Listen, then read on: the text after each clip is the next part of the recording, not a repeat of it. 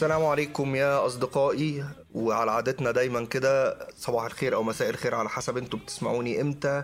أنا حازم مهني ودي حلقة جديدة من بودكاست I Wanna Rock الحلقة بتاعتنا النهاردة هتكون بتتكلم عن ال live albums أنا عامل list كده بسيطة صغيرة من حبة من my favorite live albums لأن أنا ال live albums دي بالنسبة لي حاجة بحبها جدا. فأنا ال list بتاعتي طويلة قوي. فهحاول أجزأها كده على كذا جزء أجزاء من البودكاست لو الموضوع عجبكم يعني والفكرة عجبتكم. بس اخترت منهم كده كام ألبوم نتكلم عنهم النهارده. ليه ال live albums؟ أول حاجة ال live albums بتديك الإحساس بتاع ال band ده فعلا عامل إزاي؟ وإيه ال attitude بتاعه؟ إيه ال attitude بتاعه مع ال fans؟ آه بيتعاملوا مع ال fans بيحبوا ال fans تغني معاهم بيقدروا يحركوا الناس. ولا هما band shy شوية بيقفوا يطلعوا تك تك تك يلعبوا ال tracks بتاعتهم ورا بعض و thank you وينزلوا من على ال stage. تاني حاجة بتديك بتديك إحساس إن أنت موجود فعلا في في, في ال live ودي حاجة طبعا إحنا مفتقدينها هنا لأن الحفلات عندنا قليلة جدا خصوصا حفلات ال rock وال metal بس أنا بشوف إن حضور الحفلات ده يعني أنا بعتبره حاجة زي زي ال group therapy كده. بتروح تقابل ناس كلكم بتحبوا نفس نوع المزيكا تقعدوا تغنوا مع بعض وتقعدوا تتنططوا وتتعرف على ناس جديدة. ف ده يعني ال live album بيديك ال ال الإحساس ال band ده في ال live عامل إزاي وال attitude اللي بيوصله للناس عامل إزاي.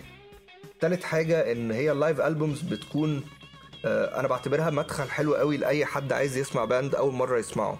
لأن هي بتعتبر زي زي hits album كده لأن ال band بيختار أحسن tracks ليه ويلعبها في ال live فأنا لما بحب أكتشف band جديد بخش أتفرج عليهم live أو ب... ب... بس بختار ألبوم live live album وأسمعه لأن ده فعلا بيديني الزتونة في المزيكا بتاعته فأنا بعتبره دخلة. فللثلاث أسباب دي أنا بعشق حاجة اسمها live albums وعشان كده هنبدأ في ال list بتاعتنا النهارده هنتكلم عن ال live albums ويلا بينا نتكلم عن أول ألبوم النهارده.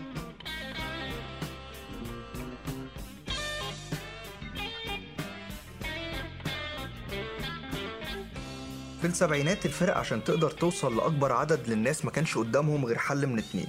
الحل الأولاني يا إما إن هم يعملوا track يبقى في ال top charts يبقى hit فيتلعب في الراديو وطبعا ده كان حلم أغلب الفرق إن هم يقدروا تراكاتهم لو وصلت الراديو الناس كلها هتسمعها في كل حتة وطول الوقت. الحل التاني كان الحل الأصعب وهم إن هم يبقوا بيلعبوا لايفات كتير بيلعبوا حفلات كتير وبيسافروا من مدينة للتانية عشان يعرفوا الناس بيهم بنفسهم. وكيس كانوا من البندات اللي بتعاني من الموضوع ده لأن ما كانش ليهم في الأول تراكات خالص وصلت لل top charts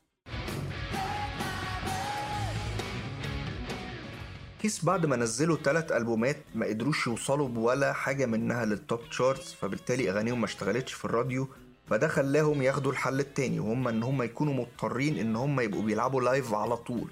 دايما on the road دايما بيتنقلوا من مدينة للتانية.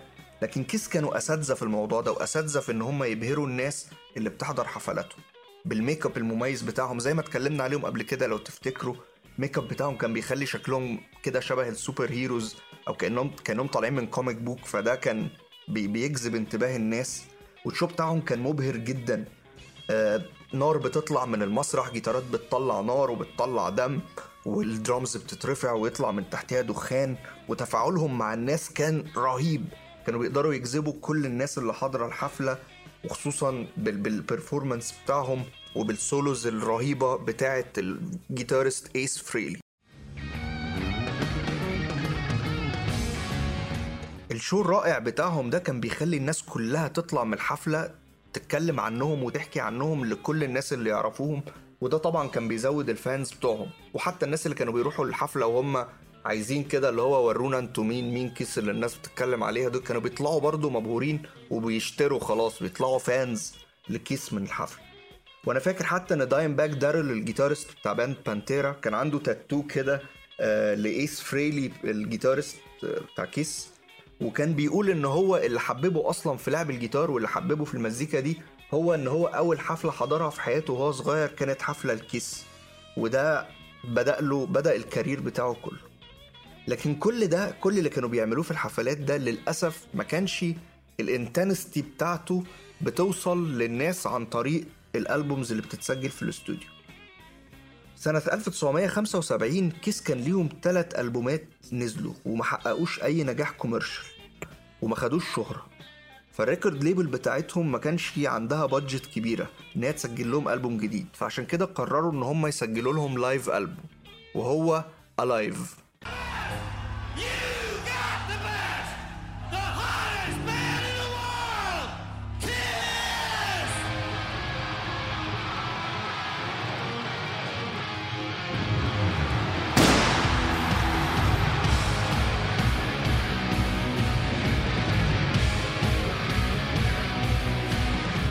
علشان يقدروا يسجلوا ألبوم Alive كانوا بيسجلوا كل ليلة من ال tour بتاعتهم الحفلة كاملة. وبعد كده بعد الحفلة يرجعوا ويقعدوا يسمعوا التراكات اللي اتسجلت دي ويختاروا منها أنسب تراكات وأحسن تراكات ممكن تنزل في الألبوم. لما الألبوم نزل ساعد إن ناس عدد كبير قوي بقى ده ألبوم بيتباع في السوق فعدد كبير يقدر يشتريه. فده وصل لكل الناس اللي اشترت الألبوم ال intensity الحقيقية بتاعت المزيكا بتاعتهم. والإحساس بتاع حفلاتهم. فده خلى الناس عرفت ال band بقى كويس بطريقة لعبهم اللي ما كانوش قادرين إن هم يوصلوا لها لما يسجلوا في الاستوديو وخلى الناس أكتر عايزة إن هي تحضر لهم حفلات أكتر. فده طبعا زود شهرتهم وزود الطلب عليهم. وبك... فعلشان كده يعتبر Alive هو بداية الانطلاق بتاع كيس لل mainstream وإن هم يبقوا ال band الكبير ال commercial الرهيب اللي إحنا نعرفه دلوقتي.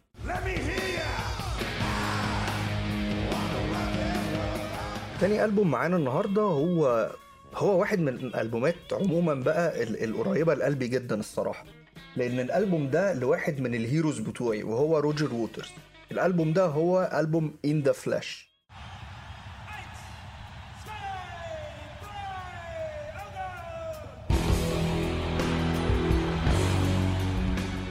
In The Flesh متاخد من tour كانت بنفس العنوان على مدار ثلاث سنين.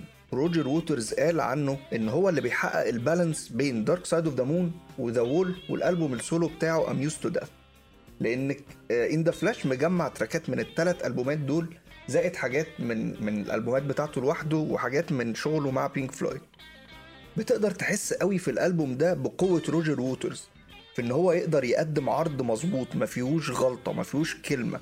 زي ما اتكلمنا عنه في الحلقة الرابعة من البودكاست أنا بيك من غيرك مش فارقة. تقدروا تروحوا هتعرفوا أكتر عن روجر ووترز. وقد إيه بيهتم بالتفاصيل وبي... وبيعمل تغييرات صغيرة قوي ممكن تبان بسيطة جدا لكن بتفرق جدا في التراكات. زي مثلا الساكس اللي هو مزوده في track Set the Controls for the Heart of the Sun.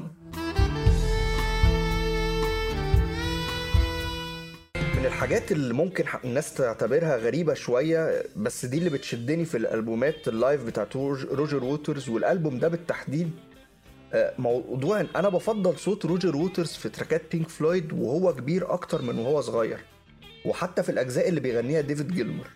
هو طبعا مفيش اختلاف على صوت ديفيد جيلمر وحلاوة وجمال صوته لكن أنا بحس صوت روجر ووترز الواهن شوية ده لما كبر بيوصل الإحساس بتاع التراكات أكتر من صوت جيلمر ال polished الناعم شوية. ولو هضرب مثال على الموضوع ده من ألبوم In The Flesh هختار track Wish You Were Here وتراك Welcome to the Machine.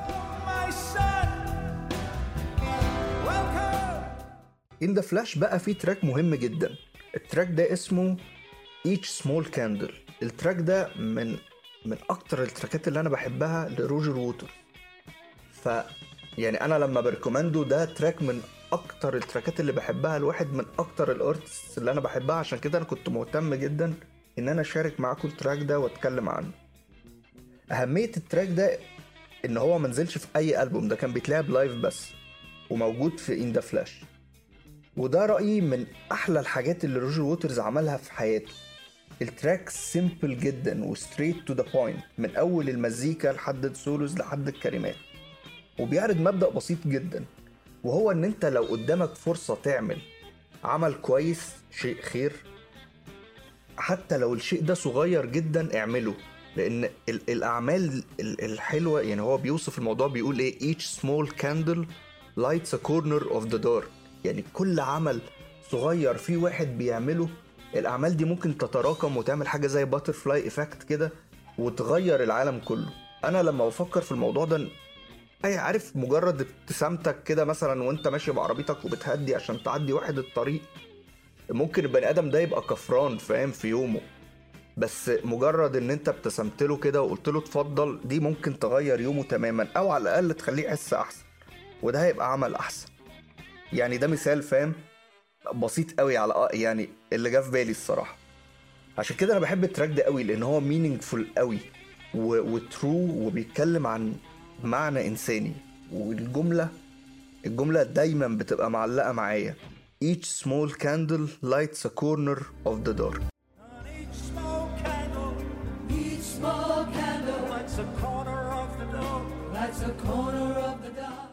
الألبوم اللي جاي ده بقى يعني مش واحد من الألبومات ال live المفضلة ليا. لا يعني ده واحد من my all time favorite record وهو ألبوم Sanctitude ل band كاتاتونيا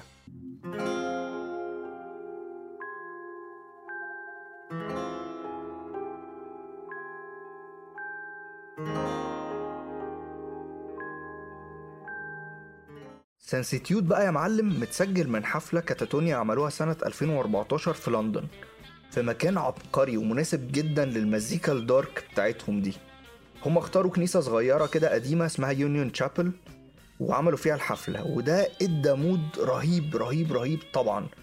ال interior بتاع الكنيسة زائد الشموع اللي وزعوها على ال stage والنور كان مطفي كانوا قاعدين في شكل شبه دايرة كده وفي spot عامل cone كده من فوق لتحت نازل على كل واحد فيهم.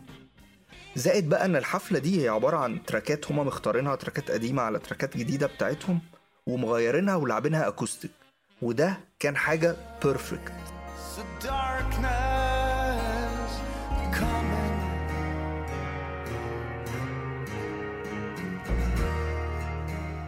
فكرة الحفلة دي جات لهم بعد ما نزلوا ألبومهم Dethroned and Uncrowned اللي هو كان ريميكس ال- الأغاني ألبومهم اللي قبله Dead End Kings. فكانت خطوة منطقية إن هم يعملوا ال tour إن هي تكون acoustic يعني إن يبقى فيه version تالتة من من المزيكا بتاعتهم. قبل ال tour دي ال guitarist وال drummer بتاعهم سابوا ال band فاضطروا إن هم يستعينوا ب guitarist band Pineapple Thief وقرروا إن هم مش هيلعبوا بال drummer. هيلعبوا يجيبوا حد بيلعب percussions عشان ال mood يكمل وما يبقاش فيه حاجة صوتها عالي في النص كده زي الدرامز.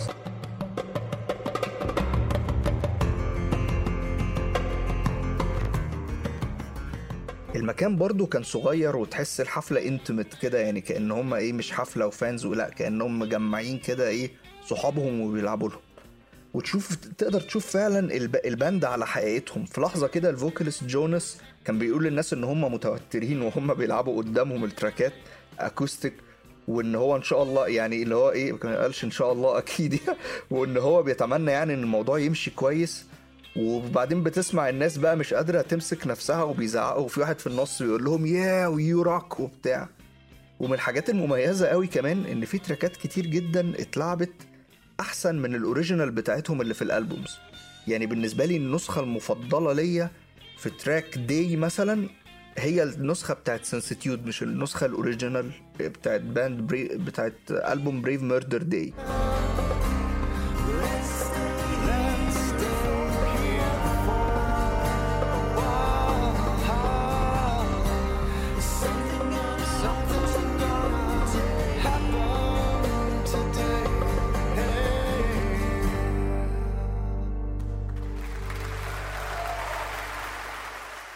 كاتاتونيا كان معاهم في الحفلة دي guest مهم جدا وهي ال vocalist بتاعت band The Gathering سيليا فيرجرالد الرهيبة بصوتها تحفة لعبت معاهم track اسمه The One You Are Looking For شقلبت ال track يعني مجرد ال line اللي هي بتغني فيه بجمال صوتها وبال بال performance اللي بتعمله بصوتها شقلب ال track تماما واداله حلاوة واداله بقى تاتشنج كده فاهم؟ يعني انت بتسمعها وهي بتغني بتخش ترشق فاهم؟ في قلبك.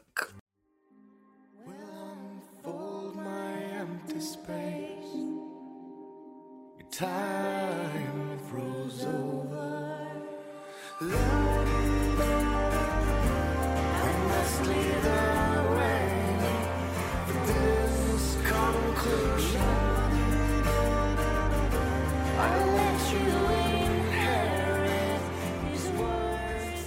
الألبوم اللي جاي ده هو ألبوم ميوس اتش اي اي ار بي أو لايف ان ويمبلي الألبوم ده متسجل من حفلتين لعبوهم في استاد ويمبلي في إنجلترا ومجموع الناس اللي حضروا الحفلتين دول كانوا 180 ألف شخص.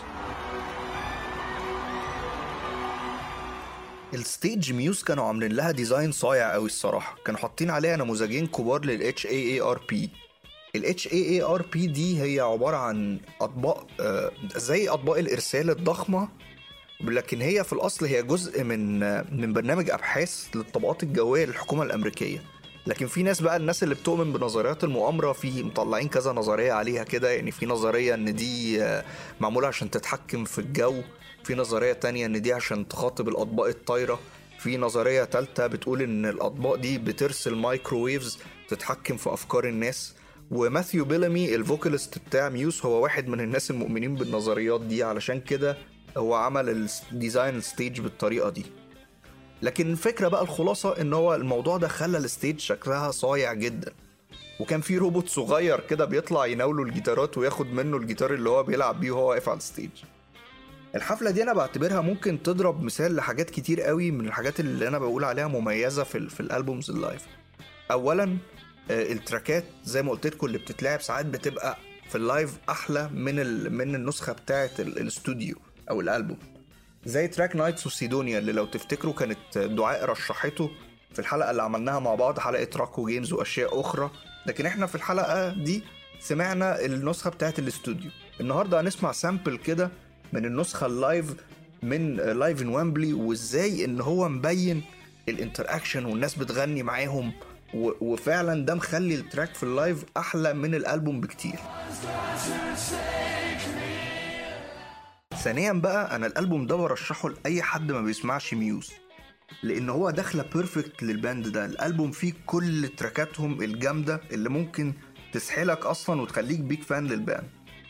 ومن الحاجات برضو ال- ال Easter eggs كده اللي موجودة إن في آخر track Stockholm Syndrome ماثيو بيلعب riff كده ال riff ده ال riff ده نزل في track بعدها سنة 2015 track اسمه Psycho.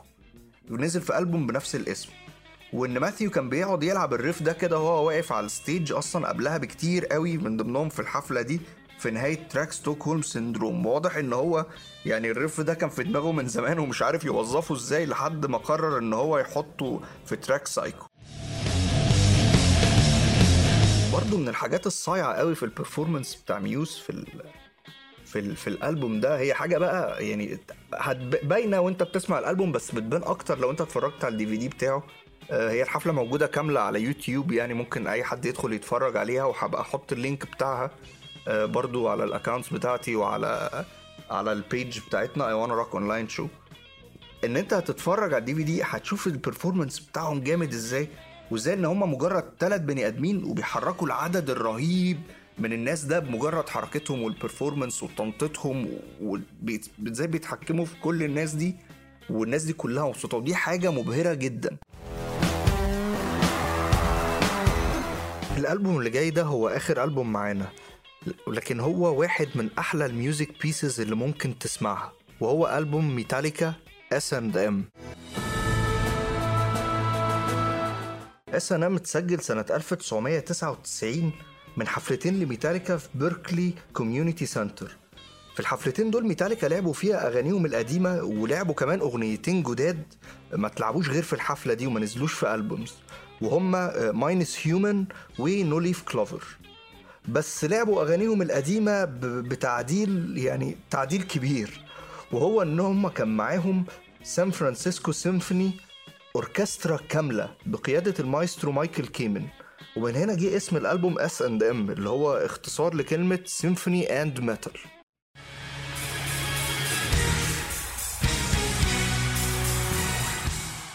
مايكل كيمن كان اشتغل مع ميتاليكا قبل كده بإن هو اللي عمل لهم ال orchestration اللي كانت في ال background بتاعت أغنية Nothing Else Matters.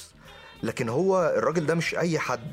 الراجل ده اشتغل مع Pink Floyd في ال orchestrations بتاعت فيلم The Wall واشتغل مع روجر ووترز في في حفلة The Wall Live in Berlin واشتغل مع ديفيد جيلمر وإيريك كلابتون وكولد بلاي وديفيد باوي و Aerosmith وناس تانية كتير قوي وده زائد إن هو ليه موسيقى تصويرية لأفلام كتير. من حفلة S and M اتلعب فيها أغنية Call of Ktulu والنسخة بتاعه الحفلة اللي كسب عليها هو وميتاليكا جايزة جرامي لأحسن أغنية instrumental فكرة S and M كانت بدايتها خالص مع في دماغ ال bassist كليف بيرتون ال bassist القديم بتاع ميتاليكا اللي توفى سنة 86 وده كان نابع من حبه للموسيقى ال- السيمفوني والموسيقى الكلاسيك فكان نفسه إن هو يعمل ال mix ده بين ال metal وال classic music زائد حب لارس أولريتش ال drummer ل band Deep Purple و Deep Purple كانوا أول ناس عملوا الموضوع ده. بس ميتاليكا فعلا عملوه مظبوط بطريقة يعني بطريقة متوحشة. المزيكا سموث جدا. يعني أنت تحس إن إن هي أصلا ال tracks مكتوبة كده إن الأوركسترا داخلة مع ال riffات مع أغانيهم كأنها حاجة واحدة. كأن هي فعلا زي ما بقول لك زي ما بقول لكم كأنها مكتوبة كده. في bandات كتير جربوا الموضوع ده بعد كده. يعني كان من ضمنهم Scorpions Scorpions عملوا كده في الألبوم بتاعهم Moment of Glory Moment of Glory البوم حلو وأنا بحبه. لكن برضو الموضوع مش مبهر ومظبوط و tight قوي زي ما ميتاليكا عملوا في S and M بتشوف بقى في ال DVD بتاع الحفلة اللي هو هو مش DVD يعني هو أكيد حصل له release بعد كده على DVD بس إحنا ساعتها كنا بنتفرج عليه على شرايط فيديو. بتشوف ال performance طبعا الفظيع بتاع ميتاليكا وميتاليكا بقى كانوا طالعين لابسين قمصان سودا كده وبتاع وحاجة آخر شياكة. وأنا عمري ما هنسى اللقطة في track Enter Sandman لما جيمس كان ماسك ايد واحد من الجمهور لأن الجماهير كانوا قريبين جدا من ال stage في الحتة اللي هو بيقول فيها take my hand والناس أصلا بتشوف الناس اللي حاضرة الحفلة هم مش مصدقين اللي هم بيتفرجوا عليه الناس هتتجنن.